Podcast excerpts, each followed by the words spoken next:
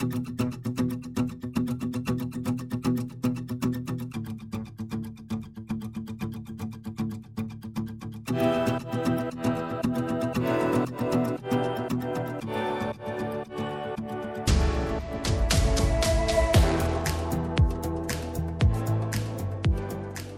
Dzień dobry, z tej strony Jakub Bodziony w piątek, kiedy w naszym wideopodcaście rozmawiamy o sprawach zagranicznych. Możecie nas oglądać na żywo na Facebooku, YouTubie, a później na najpopularniejszych serwisach streamingowych, takich jak Spotify czy Apple Podcasts. Gdziekolwiek to robicie, czy nas słuchacie, czy oglądacie, pamiętajcie, żeby zasubskrybować nas na waszej ulubionej platformie, co ułatwi wam dostęp do najnowszych odcinków, a nam pomoże docierać do jak największej liczby osób.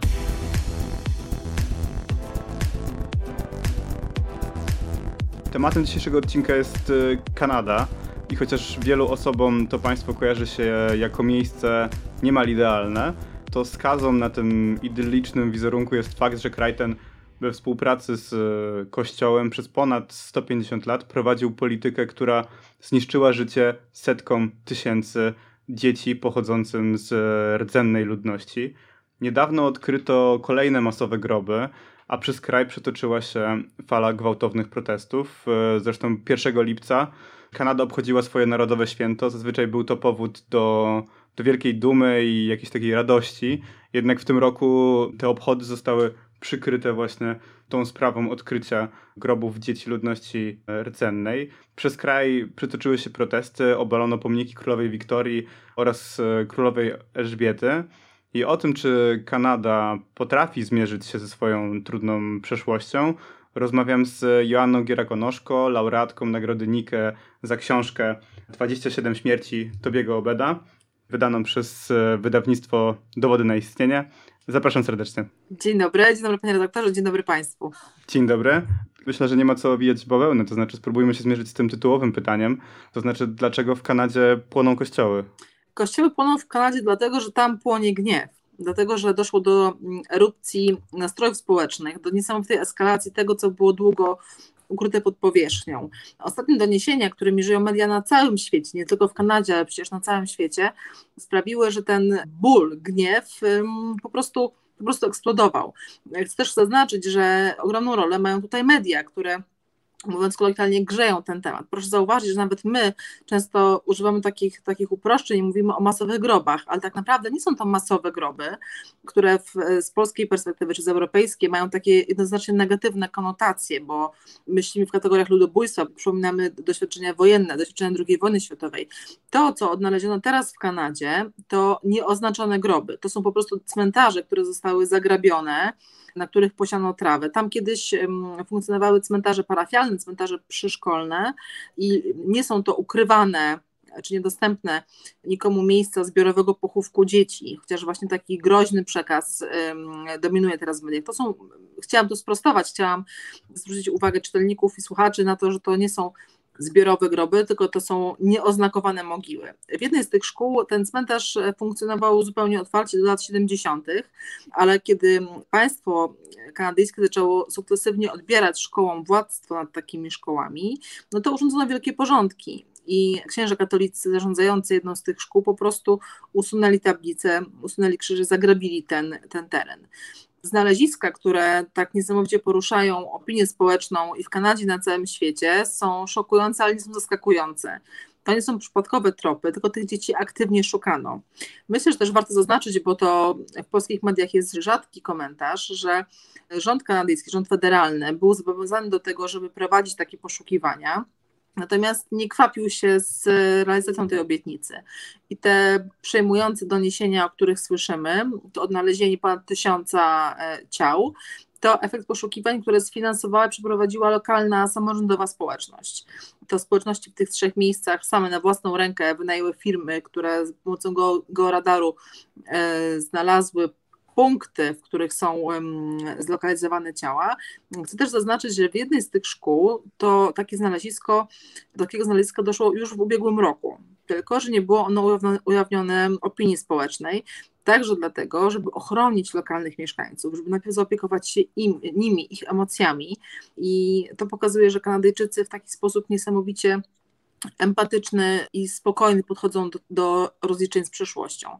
Kościoły płoną, dlatego że ten gniew doznał erupcji, ale ta historia tragicznego dziedzictwa szkół z internetem i rozliczenia się za krzywdy zadane tam dzieciom ma dużo dłuższą, dużo dłuższą metrykę. Zatrzymajmy się może na chwilę przy tym, bo wydaje mi się, że przy tej wypowiedzi pani dla osób, które są nieobeznane z tematem, no to pierwsza taka lampka w głowie, która się zapala, to jest e, co przy szkołach robią cmentarze.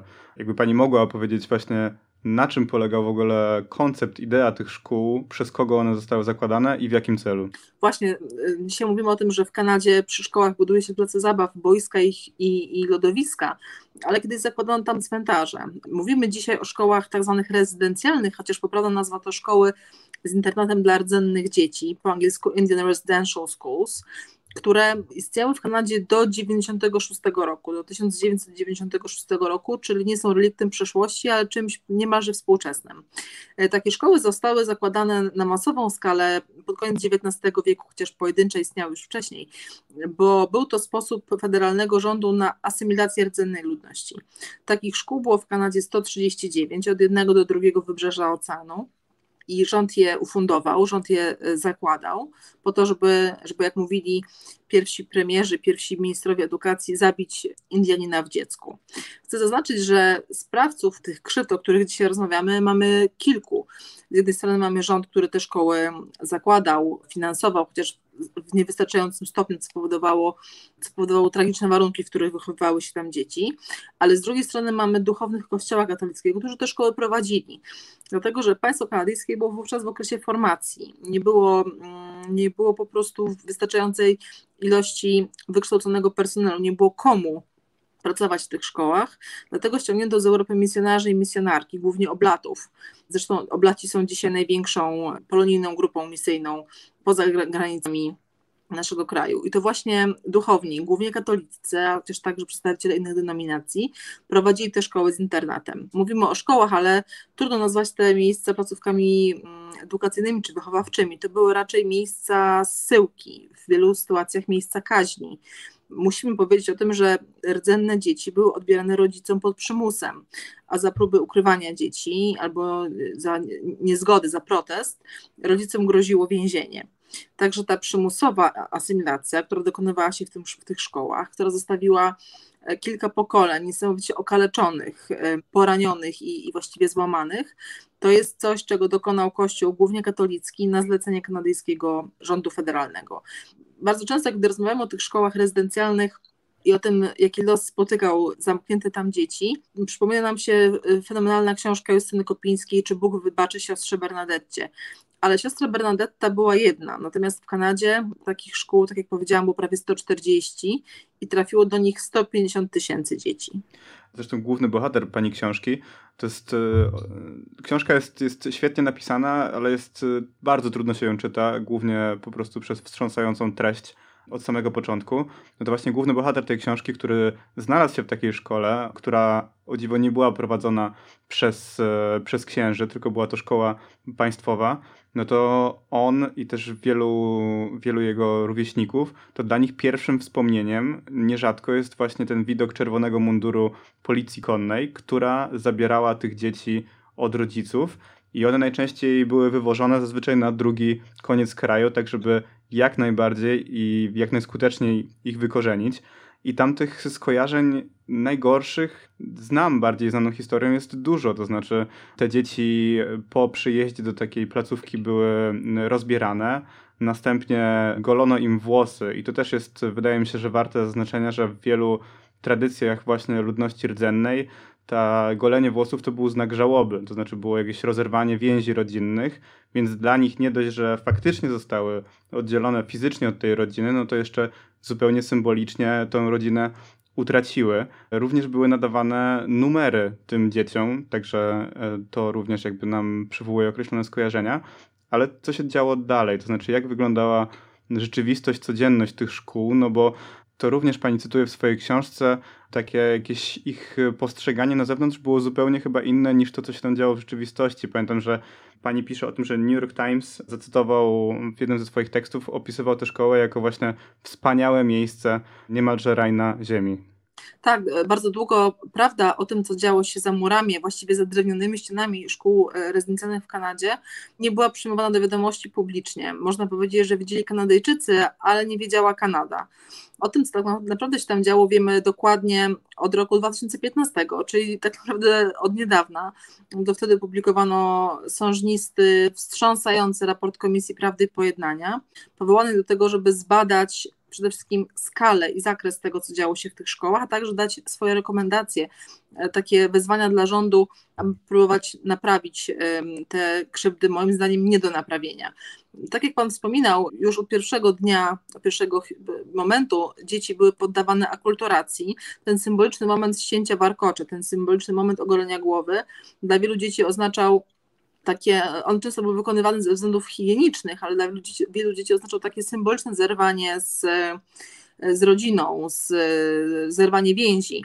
Pamiętajmy, że te szkoły nie miały na celu dać dzieciom edukację, ale stworzyć nowego Kanadyjczyka. To znaczy chodziło o to, żeby zatrzeć tę tożsamość, którą dzieci miały wpajaną w domach. Chodziło to, żeby oderwać e, dzieci od rodziców, żeby mm, przerwać transmisję języka, żeby dzieci od pierwszego dnia mówiły tylko po angielsku lub po francusku, e, żeby nauczyły się wstydzić e, swoich rodziców, których określano mianem dzikusów i żeby stały się kimś innym. Te metody wychowawcze, które stosowano, aby ten cel osiągnąć, dzisiaj uznajemy za, za takie, które mają znamiona tortur. Przemoc, której doświadczały dzieci, była wielowymiarowa i fizyczna, i psychiczna, i duchowa, ale także seksualna. Nie znaczy to, że w każdej szkole każdy uczeń był, był poddany nieludzkiemu traktowaniu. E, natomiast są też historie, w których są oczywiście historie udokumentowane, w której ci, którzy przeszli przez takie szkoły, mówią o wyrwaniu się z biedy, wyrwaniu się z domu pełnego przemocy, e, a szkoła dała taką odskocznię, trampolinę do tego, żeby wejść na inną drogę życia. Natomiast e, te historie no, z takiego reporterskiego czy historycznego punktu widzenia, oczywiście musimy o nich pamiętać, musimy je uwzględniać, natomiast one nie zmieniają tego, wspólnego doświadczenia dla większości tych, którzy przeszli przez szkołę. Doświadczenie to było naprawdę dramatyczne i, i traumatyczne. Chcę też powiedzieć, że pamięć o tym, co działo się w szkołach, widoczna jest w języku, dlatego że o tych, którzy trafili do tych szkół i przetrwali, nie mówi się absolwenci, tylko mówi się ocaleńcy. Już to nam pokazuje, że skala krzywd, zaniedbań, nieszczęścia, które spadały na dzieci zamknięte w takich szkołach była ogromna. Zwrócił Pan też uwagę na, e, na to, że to właśnie policja, często w asyście księży, odbierała dzieci rodzinom i wiozła je do odległych e, miejsc. To wynika także z kanadyjskiej geografii. Często dzieci były zabierane z wsi, z małych miejscowości położonych daleko od siebie, a szkoły były zlokalizowane w większych bo szkoły były zlokalizowane na innych terenach, dzieci trzeba było tam transportować albo drogą powietrzną, albo w dół rzeki. Te odległości też nie były przypadkowe, bo twórcom szkół zależało na tym, aby odwiedziny nie były możliwe, aby rodzice nie widywali swoich dzieci, aby nie mogli do nich mówić, aby nie mogli ich oglądać ani głaskać. I również, żeby te kontrole były utrudnione ewentualne. Tak, tak. Myślę, że, że to jest bardzo ważny wątek, że ci, którzy prowadzili te szkoły, byli całkowicie poza kontrolą, jakąkolwiek administracyjną i prawną.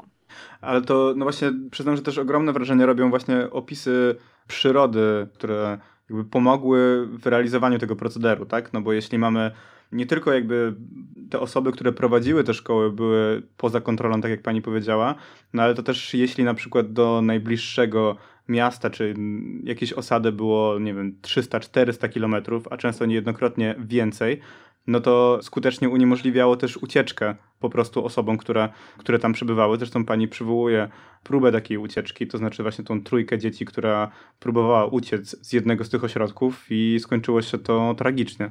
Tak, i próbowałam odtworzyć losy tych dzieci, trzech chłopców, którzy zdecydowali się na ucieczkę z takiej szkoły. Ich ciało nigdy nie odnalezione. Podejrzewamy, że utonęli w rzece, która wtedy roztapiała się lub zamarzli. Wiemy też, że nie szukano ich zbyt gorliwie. Wertowałam dokumenty, które pokazywały, że księża, którzy prowadzili tę szkołę, czekali aż psy odpoczną, żeby ruszyć w pościg za dziećmi. Więc jakby dobrostan zwierząt był ważniejszy od odnalezienia trzech chłopców, którzy źle ubrani i głodni, bez zapasów jedzenia wyruszyli na mróz przez las. Skala e, lekceważenia sobie życia rdzennych dzieci, pogardy, którą biali kolonizatorzy, biali osadnicy e, żywili wobec rdzennej ludności kanadyjskiej, jest czymś, co jest dla nas trudne do wyobrażenia. Natomiast cieszę się, że Kanada o tym mówi coraz głośniej i trochę się martwię, że wielu czytelników, wielu widzów mówi, że zrywamy z mitem Kanady idealnej, Kanady pozytywnej, bo ja nadal uważam, że to jest jedno z lepszych miejsc do życia na świecie. W bardzo wielu krajach, w bardzo wielu domach dochodzi do przemocy.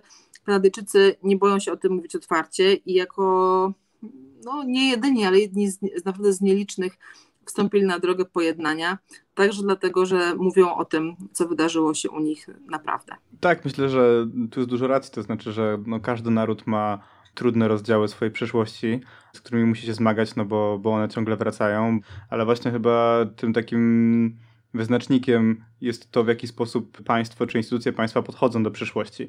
I pani powiedziała, że tym przełomową datą był rok 2015 i raport e, Komisji Prawdy i Pojednania. Co się wtedy zmieniło? To znaczy, w jaki sposób w ogóle klasa polityczna w Kanadzie na początku reagowała na, na te wiadomości? Raport był spodziewany. To nie było tak, że nikt nie wiedział, co wydarzy się, e, co, co będzie zawarte w tym raporcie. Natomiast skala zaniedbań, skala przemocy było czymś, co, e, co zostawiło Kanadę i przede wszystkim Kanadyjczyków Dlatego, że to nie jest tak, że nikt nie wiedział. Przecież te szkoły były prowadzone na odludziu, nawet jeżeli znajdowały się z dala od większych miejscowości, były aprowizowane. Ktoś tam pracował, nie tylko personel duchowny, ale także ci, którzy pomagali przy utrzymaniu takich szkół. Mam tu na myśli pracowników farm, dlatego że takie szkoły były często, no, musiały być samowystarczalne, a także lekarzy to pokazuje, że, że nie jest tak, że te szkoły były zupełnie poza zasięgiem kontroli społecznej, były jednak natomiast były takim sekretem, o którym Kanada nie chciała mówić publicznie. Dlatego sąsiedzi wiedzieli, że coś złego dzieje się w okolicy, widzieli, że sąsiadom przyjaciołom, członkom rodziny giną dzieci, które nie pojawiają się w szkole, od nowego roku szkolnego nie pojawiają się na podwórkach, ale wiadomo było, że szukanie tych dzieci jest daremne, dlatego że stoi za nimi aparat państwowy, który mówiąc wprost skazał je na pobyt w szkołach rezydencjalnych. Pani główny bohater tylko przez e, kilka lat był w tej, w tej szkole, bodajże 4-5 lat. Później ona została zamknięta w związku z problemami z finansowaniem ale to, że tak powiem, wystarczyło, żeby przetrącić mu resztę życia. I pani mówi o tym na przykład, e, wspomina, że jakby wiele tych osób, które były tylko kilka lat w tych e, przybytkach edukacyjnych, ten okres wpływał na całe ich życie, ale też uruchamiał taką spiralę przemocy. To się pojawia na przykład w wypowiedziach polityków rdzennej ludności. Tam ta była ta wypowiedź słynna w 1990 roku, którą również pani przywołuje, mówiąc o tym, że właśnie ludzie, którzy tam byli torturowani, później ta przemoc przechodziła na przykład na ich dzieci czy, czy wnuki. Także to nie jest kwestia tylko osób doświadczonych, właśnie, którzy byli w tych szkołach, no ale również całej ich rodziny. Dlatego pojawia się moje pytanie, jak wiele osób, tak, no, jaka jest skala tego zjawiska?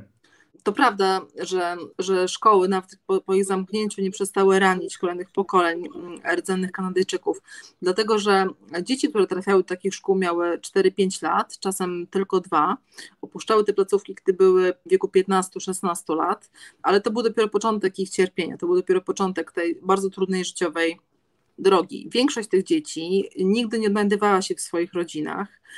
Część z nich trafiała do pieczy zastępczej, część z nich trafiała od razu do, pod opiekę e, systemu systemu pomocowego, trafiała do opieki społecznej, tak jak właśnie Tobi Obed, który nigdy już nie wrócił do domu, nigdy więcej nie zobaczył swojej matki, tylko był przenoszony jak paczka z jednej rodziny zastępczej do drugiej, a w każdej z nich doznawał przemocy. E, więc szkoły były dopiero wstępem e, do takiego bardzo trudnego życia, naznaczonego przemocą, wykorzystywaniem, a przede wszystkim zaniedbaniem pokłosie tego tragicznego systemu widzimy w Kanadzie do dzisiaj, e, także dlatego, że no, rdzenni stanowią około 5% kanadyjskiej populacji, ale co trzeci więzień e, i co trzecie dziecko z opieką opieki społecznej to właśnie rdzenny Kanadyjczyk, więc ta nadreprezentacja w tych obszarach jest niestety e, dużo większa. Szkoły wykolejały na całe życie, ale też uczyły, jak replikować przemoc. Kilka dni temu czytałam o jednej ze szkół, w której konflikty między dziećmi rozwiązywano w ten sposób, że wstawiano je na ring i kazano chłopcom bić się do pierwszej krwi. To był sposób wychowywania, to był sposób radzenia sobie z emocjami. Dzieci, które nie nauczyły się żadnych innych umiejętności społecznych, które nie nauczyły się pokojowego współistnienia, nie nauczyły się regulowania przemocy, po opuszczeniu takich szkół nie potrafiły wejść w zdrowe relacje, nie potrafiły zakładać rodzin, a jeżeli już udawało się takie związki zbudować, to one też były naznaczone przemocą. Dlatego to dziedzictwo szkół z internatem y, wykracza znacznie poza liczbę samych dzieci w nich zamkniętych. Mówimy o 150 tysiącach e, tych ocaleńców, ale jeżeli dodać do tego średnio, że każdy z nich pochodził z rodziny z dwójką dzieci, dwójką dorosłych, to ma, możemy mówić o blisko milionie skrzywdzonych, poranionych osób. To jeszcze wrócę do tej kwestii, którą poruszyliśmy przed e, drobnymi problemami technicznymi, czyli właśnie tego słowa ocaleniec. E, pani mówi, że nie do końca trafne jest to polskie tłumaczenie, bo w języku angielskim jest to survivor, czyli to znaczenie tego słowa stawia bardziej na przetrwanie a nie na to, że ktoś kogoś ocalił. Tak, ja zresztą w pracy nad książką korzystałam wyłącznie z kanadyjskich, lokalnych źródeł. Nie ma tam ani jednej książki napisanej po polsku. Zależało mi na tym, żeby to była perspektywa bardzo mocno osadzona w Kanadzie. I język, który operowałam, to język angielski, ale nomenklatura, którą przyjęłam, to ta perspektywa, to ta, która obowiązuje w Kanadzie. Tam właśnie ludzi, którzy przez te szkoły przeszli, nazywa się survivors, czyli powiedzielibyśmy po polsku przeżywcami, chociaż ja tego słowa nie lubię, ja za nie przepadam i szukałam polskiego odpowiednika, dlatego uznałam, że, zresztą zaznaczam to na samym początku tej książki, że będziemy mówić o ocaleńcach, a nie o ocalonych, tak jak często mówimy w przypadku tych, którzy przeżyli Shoah, którzy przeszli przez Holokaust. Dlatego, że bycie ocalonym oznacza sugeruje formę bierną, sugeruje, że ktoś przyszedł i nas ocalił, ktoś przyszedł i, na, i nam pomógł. Tymczasem te dzieci zamknięte w szkołach rezydencjalnych były pozbawione jakiejkolwiek pomocy, jakiejkolwiek, jakiejkolwiek nadziei. Nie mogły liczyć ani na wyższą instancję, ani na jakąkolwiek pomoc zewnętrzną. Jeżeli przetrwały, to czasem dlatego, że miały trochę więcej szczęścia niż inne. Dlatego myślę, że ważne jest to ustawienie perspektywy na samym początku książki, bo pozwala nam zrozumieć, jak wytyczamy dalszą ścieżkę i, i co chcemy zobaczyć. Rzucamy ten reflektor w mrok, ale wiemy, czego się możemy tam spodziewać. No właśnie z tych różnych relacji osób, y, czy właśnie, no właśnie tych, tych ocaleńców, przebija się to, że te wszystkie nauczania przedmiotów typu właśnie językowych, czy, czy związanych z algebrą, z matematyką, to była zupełnie kwestia drugo- czy trzeciorzędna, że podstawową umiejętnością, którą trzeba było nabyć, była właśnie umiejętność przetrwania, umiejętność na przykład y, tego, żeby potrafiło się ukraść jedzenie, bo żywność była reglamentowana tam, czy na przykład wiedzieć, jak przetrwać bicie regularne.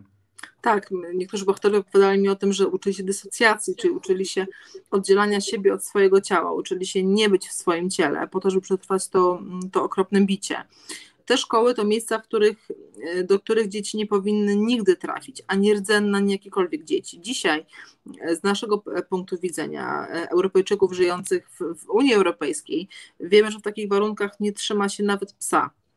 Tymczasem w Kanadzie tak właśnie wychowywano, tak właśnie znęcano się nad, nad rdzennymi dziećmi po to, żeby uczynić z nich posłusznych Kanadyjczyków, posłusznych obywateli, a także dobrych chrześcijan, dlatego że kościół, który podjął się prowadzenia tych placówek, wystawił za nie rachunek i ceną, którą musieli zapłacić rdzenni, było przygotowywanie do zbawienia. To właśnie katechizacja, to właśnie chrystianizacja była głównym elementem, była rdzeniem, była e, celem tych szkół także nauka angielskiego lub francuskiego i, i, takie przeuczenie do pracy na roli. To też oznaczało, że rdzenne dzieci, które, których rodzice, rodziny zupełnie inaczej zarządzały ziemią, że polowały, a nie, a nie prowadziły takiego osiedlowego trybu życia, z dnia na dzień zostały wrzucone do nowego, obcego i bardzo wrogiego systemu. Uczono tam rzeczy, które były obce im kulturowo, a niczego nie tłumaczono. Bardzo często, kiedy rozmawiałam z bohaterami mojej książki, występowałam tam jako, nie tylko jako autorka, ale jako kobieta, która przyjechała do Kanady z dwójką małych dzieci, włączanych właśnie do systemu publicznej edukacji w Kanadzie, no, y, rozmawialiśmy z ocaleńcami o tym, jak skrajnie różne są to doświadczenia, jak skrajnie różne są to perspektywy moich dzieci y, zaopiekowanych w sposób inkluzywny, włączanych do, taki bardzo otwarty, włączany do, do systemu edukacji publicznej w Kanadzie, gdzie dba się o potrzeby dzieci, o ich podmiotowość, o ich dobrostan. I te potworne doświadczenia moich rozmówców, którzy byli do, tych, do tego systemu wrzucani, wtłaczani i właściwie wszyscy liczyli się z tym, że w tym systemie przepadną i zginą. No a w jaki sposób właśnie reagowano na początku na te, na te informacje? No bo pomiędzy rokiem 96 97, rozumiem wtedy, kiedy szkoły zakończyły swoją działalność, a raportem komisji to jest prawie 20 lat. Co się działo w tym okresie, to znaczy już po zakończeniu działalności szkół, a jednocześnie przed tym przełomowym raportem? Po drodze mamy szereg bardzo ważnych, takich fundamentalnych kroków. Mamy tutaj ogromną presję ze strony rdzennych Kanadyjczyków, wywieraną na poprzedni rząd, na rząd premiera Stevena Harpera, czyli konserwatystów, do tego, aby aby przede wszystkim rozliczyć za zbrodnie dokonane w systemie szkół rezydencjalnych. Trzeba powiedzieć, że w roku 2006 doszło do, do, do podpisania ugody, największej w historii kanadyjskiego wymiaru sprawiedliwości. Jest to ugoda w sprawie rdzennych szkół dla rdzennych dzieci, zwana w skrócie IRSą. I IRSA regulowała chociaż e, właśnie w ramach tej ugody państwo ani kościoły nie przyznały się do winy, to jednak zobowiązały się do, do wypłacenia rekompensat ocaleńcom. Ta ugoda, chociaż mm, pozwalała umyć ręce organizatorom tego systemu, podkreślała jednak, że dzieci, które do niego trafiły, zostały ogromnie skrzywdzony, więc ten proces toczył się przez wiele lat. W 2006 była ILSA, w 2008 premier Harper przeprosił na forum parlamentu. To były symboliczne przeprosiny wygłoszone w językach urzędowych francuskim i angielskim, także w językach narodowych. W Kanadzie mamy do czynienia z mniej więcej z 50 językami rdzennymi kilka z nich zostało usłyszanych na forum parlamentu, więc tych kroków, także tych instytucjonalnych, było rzeczywiście sporo. Ta presja ze strony wyborców, presja społeczna narastała. Jej efektem jest właśnie stworzenie komisji, powołanie Komisji Prawdy i Pojednania, która wiadomo było, że wyprodukuje taki, taki raport. Chcę też zrobić taką, taki krótki komentarz, taką dygresję. Ten wstrząsający raport wspomina o tym, że e, nieznane są losy ponad 4 tysięcy rdzennych dzieci. To znaczy brakuje informacji o tym, czy przeżyły te szkoły, czy też czy wyszły z nich, czy przepadły, czy zginęły. Ale to też była specyfika dokumentacji tam prowadzonej? To znaczy jakby ta dokumentacja na przykład nie obejmowała specjalnie niektórych osób, tak żeby później nie było kolokwialne rzecz ujmując, po prostu problemów w papierach? Tak, zaraz o tym powiem. Więc y, komisja sprawdziła, że brakuje informacji o co najmniej 4 tysiącach y, dzieci, natomiast jeden z sędziów, Mary Sinclair, kilka dni temu mówił o tym, że on sam jest przekonany, że ta liczba jest zaniżona. Jego zdaniem brakuje informacji o 10 tysiącach dzieci, Organizacje rdzennych mieszkańców mówią o kilkudziesięciu tysiącach dzieci, które przepadły bez wieści po tym, jak zostały odebrane rodzicom i trącone do tych szkół. Ja miałam okazję oglądać dokumenty dokumenty medyczne przede wszystkim dotyczące uczniów takich szkół. E, oglądałam akty zgonu, które są, które są lapidarne, tam nic nie ma. Często nie ma płci dziecka, a czasem jest imię, ale nie ma nazwiska. Bardzo rzadko jest informacja na temat przebiegu leczenia. Większość tych dzieci umierała z, z powodu chorób zakaźnych, głównie odry i i ospy.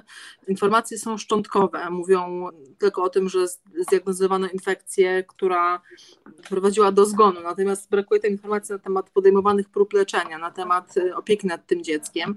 Te informacje są niepełne, y, a i tak nawet w takiej szczątkowej formie nie zawsze trafiały do rodziców. Myślę, że z perspektywy nas, y, dzisiaj, współcześnie żyjących, to jest coś niewyobrażalnego. Takie mm, lekceważenie, takie, takie pogardliwe traktowanie życia dzieci, uczniów i pacjentów. Natomiast w tamtych czasach, a przypominam, że to były czasy nieodległe, tak właśnie traktowano rdzennych Kanadyjczyków. No ale też właśnie taka była odpowiedź niektórych hierarchów, y, które również, y, cytaty z tych wypowiedzi pojawiają się w pani książce, mówiąc o tym, że oczywiście to, co się stało, jest straszne, no ale takie były czasy. Tak, to jest taka, taki refren, który pobrzmiewa w tej książce, bo jest to taka formuła, która, która unieważnia wszystkie winy. No cóż, no takie były czasy, tak się wtedy robiło, tak się wtedy mówiło. To, to jest takie zaklęcie bardzo groźne, bo ono oznacza, że nie pociągniemy do odpowiedzialności i nie, e, nie spróbujemy oskarżyć tych, którzy w przeszłości dopuszczali się rzeczy potwornych i strasznych. Myślę, że to też łączy się z, z, dyskusją, która w Kanadzie rozgorzała.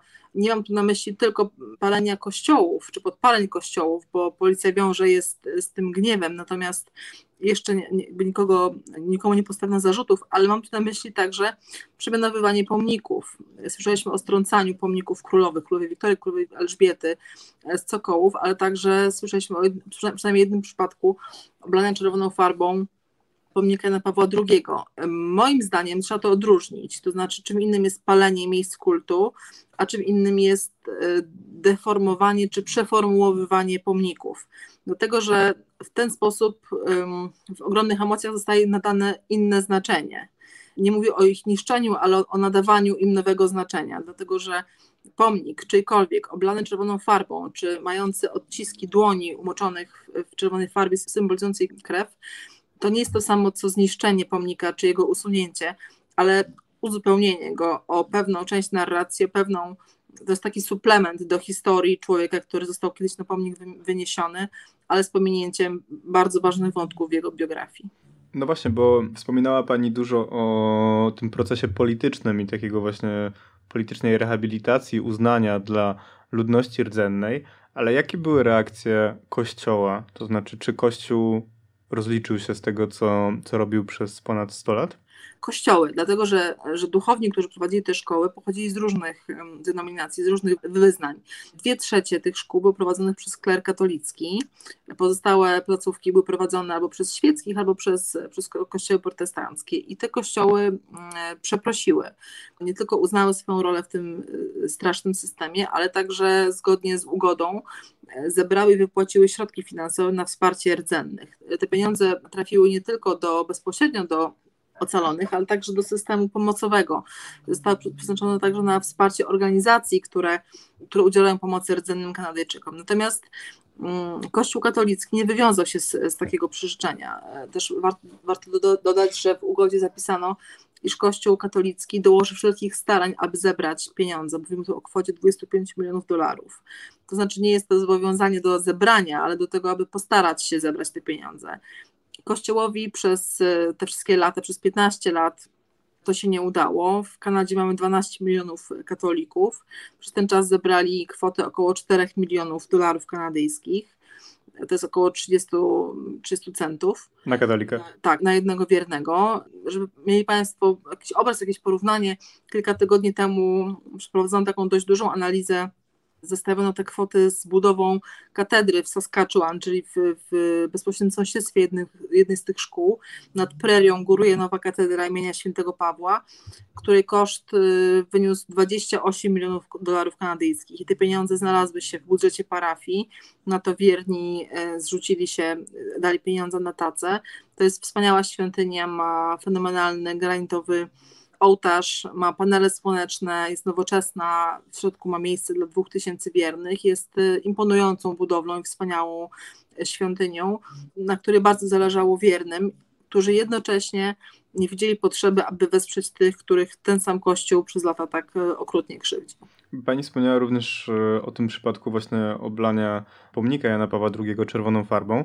Czy rola papieża w tym czasie ona jest w jakiś sposób dyskutowana w Kanadzie? No bo w Polsce jest osobna dyskusja dotycząca na przykład tego, w jakim stopniu Jan Paweł II był świadomy na temat czynów pedofilskich różnych hierarchów kościoła, często z jego najbliższego otoczenia. A czy kwestia tych właśnie szkół rezydencjalnych w Kanadzie, ona również, czy ten temat Jana Pawła II, on tam się również pojawia? Tak, chociaż myślę, że, że, to, że polskie media tak bardzo interesują się wydarzeniami w Kanadzie, e, to także przez osobę Jana Pawła II, która e, jest jednym z negatywnych bohaterów tej opowieści. Myślę, że gdyby mm, te wydarzenia dotyczyły zbrodni dokonanych przez świeckich bez udziału Kościoła katolickiego, to, to nie bylibyśmy tym aż tak zainteresowani. Tymczasem figura Jana Pawła II jest w Kanadzie oglądana bardzo krytycznie. Jego pontyfikat jest oceniany pod wieloma kątami z różnych stron i nie na kolanach, ale raczej w takim, w takim krytycznym ujęciu. To zdewastowanie czy to pomazanie pomnika przez część Polonii było odebrane jako atak na, na Polskę, na polskość. Ale chcę podkreślić, że w tych wydarzeniach nie było w ogóle doniesień o o spaleniu polskiej flagi czy, czy bez, bezczeszczeniu miejsc polonijnych. Y, odbieram to jako wyraz sprzeciwu wobec polityki Kościoła katolickiego, którego papież był, był głową. Zresztą papież Jan Paweł II trzykrotnie odwiedzał Kanadę w latach 80. i jeszcze po roku 2000 i w swoich wystąpieniach w sposób niezwykle empatyczny odnosił się do rdzennej ludności, popierał jej dążenia emancypacyjne, a zapewniał o przyjaźni i wsparciu ze strony Kościoła, natomiast nie odnosił się w jakikolwiek sposób do zarzutów, które na Kościele ciążyły. Wtedy już było wiadomo, może nie o, nie, o, nie o pełnej skali tych zbrodni, tych krzywd, ale wiedzieliśmy już bardzo dużo na temat tego, co wydarzyło się, co spotkało rdzenne dzieci z ręki katolickiego kleru. Więc postać Jana Pawła II poddawana jest teraz w Kanadzie krytycznej analizie. Jest on uznawany za osobę, która może nie przyczyniła się aktywnie do, do, do tych krzywd, natomiast zezwalała na to i, i milczała, kiedy, kiedy działy się tak straszne rzeczy. A jak to wpłynęło na pozycję Kościoła katolickiego w samej Kanadzie? To znaczy, no bo rozumiem, że ona w XIX wieku i na początku XX wieku była troszeczkę takim parapaństwem. Zresztą podobnie jak na przykład, un... znaczy no pani powiedziała, że Kanada wcześniej jakby nie, nie miała tak dużej administracji, czy jakby właśnie nie była w stanie tego obsłużyć sama jako państwo tych szkół, dlatego korzystała z pomocy kościoła, więc wydaje mi się, że ta rola była wcześniej bardzo duża. No ale jak to się zmieniło teraz na przestrzeni lat i szczególnie właśnie już po 97 roku i po 2015 roku, jak wygląda pozycja tej instytucji? no też Kanada w latach 70. już weszła na drogę laicyzacji. Lata 70. to był okres modernizacji, nie tylko zerwania z, ze szkołami rezydencjalnymi, ale zupełnie nowego zwrotu w gospodarce, także w polityce zagranicznej. Były te czasy przede wszystkim premiera Pierre Eliota Trudeau, czyli ojca obecnego premiera Justina Trudeau. Więc te przemiany i polityczne, ale też społeczne zaszły już, zaczęły, zaczęły być wprawione w ruch e, już dawno temu. W tej chwili to, to widzimy skutki e, laicyzacji, takiej sekularyzacji w Kanadzie. Tam e, sprawa wyznaniowa jest kwestią absolutnie prywatną. Kanada nie ma konkordatu, Kanada oddziela, nie, nie ma tam mowy o sojuszu y, tronu z ołtarzem. Te, te dwa ośrodki władzy są od siebie oddzielone. Tak jak powiedziałam, religia, kwestie wyznaniowe lub braku wyznania są sprawami zupełnie, y, zupełnie prywatnymi. Więc Widzimy też to w, w, w, poszczególnych y, miejscowościach, gdzie kościoły są desakralizowane i i oddawane, przemieniane na, na restauracje, na, na żłobki, na kawiarnie. Y, ja sama, kiedy mieszkałam w Toronto, to posyłałam moje młodsze dziecko do żłobka, który mieścił się właśnie w kościele. Zresztą na marginesie mogę Państwu powiedzieć, że w tym czasie kręcono tam serial opowieści podręcznej na podstawie książki Margaret Atwood, więc między tymi maluchami w żłobku no, przechodziły też postacie w czerwonych płaszczach. Było to takie dość, y, dość niezwykłe doświadczenie. Wspomniała Pani o dwóch premierach Trudeau. Obecny pełni, Justin Trudeau pełni swoją funkcję od 2015 roku. Jego przynajmniej zagraniczny wizerunek jest niezmiernie progresywny, taki wręcz y, popkulturowej gwiazdy, począwszy od tego, że nosi śmieszne skarpetki, do tego, że właśnie jest takim niezmiernie medialnym y, osobą, taką świetnie też obeznaną w mediach społecznościowych. Jak to wygląda w rzeczywistości? To znaczy, jak te jego kwestie wizerunkowe przekładają się na realne działania i tu oczywiście mam na myśli szczególnie kwestię związaną z rdzenną ludnością, bo pani opisuje spotkanie również swojego głównego bohatera właśnie z Justinem Trudeau. E, no cóż, wizerunek premiera Trudeau na całym świecie jest jednoznacznie pozytywny. To jest zresztą postać popkultury, nie tylko polityki, ale wręcz popkultury. Dlatego, że e, jest on emanacją nie tyle kanadyjskości, co nowoczesności, co z takiej bardzo mm, progresywnej i otwartej postawy. Myślę, że można powiedzieć, że symbolizuje, ucieleśnia kraj, za którym tęsknimy i który chcemy wymyślać i, i cieszymy się, daje on nadzieję, że pewne rozwiązania w zakresie polityki społecznej udało się tam właśnie wcielić w życie. Więc Justin Trudeau postrzegany jest często nie jako polityk, ale jako gwiazda popkultury właśnie. Natomiast w Kanadzie jego wizerunek bardzo odbiega od tego, który mamy na zewnątrz, dlatego że Kanadyjczycy, Kanadyjczycy traktują go raczej jako menedżera do wynajęcia. Nie jest on dla nich gwiazdą, tylko jest człowiekiem wynajętym, który dostał pewien mandat od wyborców, któremu powierzono pewne, pewną funkcję i listę zadań. I Kanadyjczycy bardzo skrupulatnie go z tego rozliczają. Justin Trudeau objął władzę w roku 2015 przed do wyborów, w 2016 je wygrał i był wtedy na takiej fali wznoszącej. Partia Liberalna wróciła do władzy z nowym programem. Trudeau i liberałowie nieśli nadzieję na odnowienie nie tylko wizerunku Kanady, ale też na, na to, że wreszcie będzie można konsumować to, co się wcześniej oszczędzało, że ten zasobny, bogaty kraj będzie wreszcie miejscem nie tylko gromadzenia bogactwa, ale korzystania z niego. Mam na myśli bogactwo nie tylko takie merkantylne, ale też tym wymiarze społecznym i, i kulturalnym. Więc miał nastać złote lata dla, dla Kanady i Trudeau obejmował władzę w takim bardzo pogodnym i dobrym momencie. Tymczasem e, wszystko naokoło się zmieniło, do tego, że wkrótce w Stanach Zjednoczonych władzę objął Donald Trump, a pamiętajmy, że USA to główny partner handlowy Kanady. Kanada jest od niego uzależniona gospodarczo. Czasem mówi się, że jest myszą śpiącą przy słoniu i mruknięcie czy jakikolwiek gest ze strony słonia jest dla myszy ogromnym niebezpieczeństwem. Napięcia także na arenie międzynarodowej sprawiły, że Justin Trudeau musiał mierzyć się z wieloma wyzwaniami i w polityce zagranicznej, i w polityce wewnętrznej. Przez jakiś czas gazety pisały, że gospodarka ma się świetnie, ale ludzie nie za bardzo, bo te nożyce, to, to roz, rozwarstwienie społeczne zaczęło się coraz bardziej mm, powiększać. W 2019 roku, jeżeli dobrze pamiętam, doszło do, skończyła się kadencja i Justin Trudeau wcale nie wygrał tych wyborów kolejnych w cuglach. Można powiedzieć, że walczył o polityczne życie, dlatego że bardzo wielu ze swoich obietnic nie udało mu się spełnić. Kanadyjczycy są nim trochę rozczarowani, domagają się zdecydowanych działań, są trochę tacy znudzeni i znużeni polityką opartą na symbolach i na gestach i domagają się radykalnych, radykalnych kroków, radykalnych decyzji. Myślę, że dobrze to obrazuje reakcja na zdjęcie, które pojawiło się wczoraj w nocy w kanadyjskich mediach. Otóż premier Trudeau odwiedził jedno z miejsc wokół szkół z, z internetem, gdzie znaleziono nieoznakowane groby dzieci.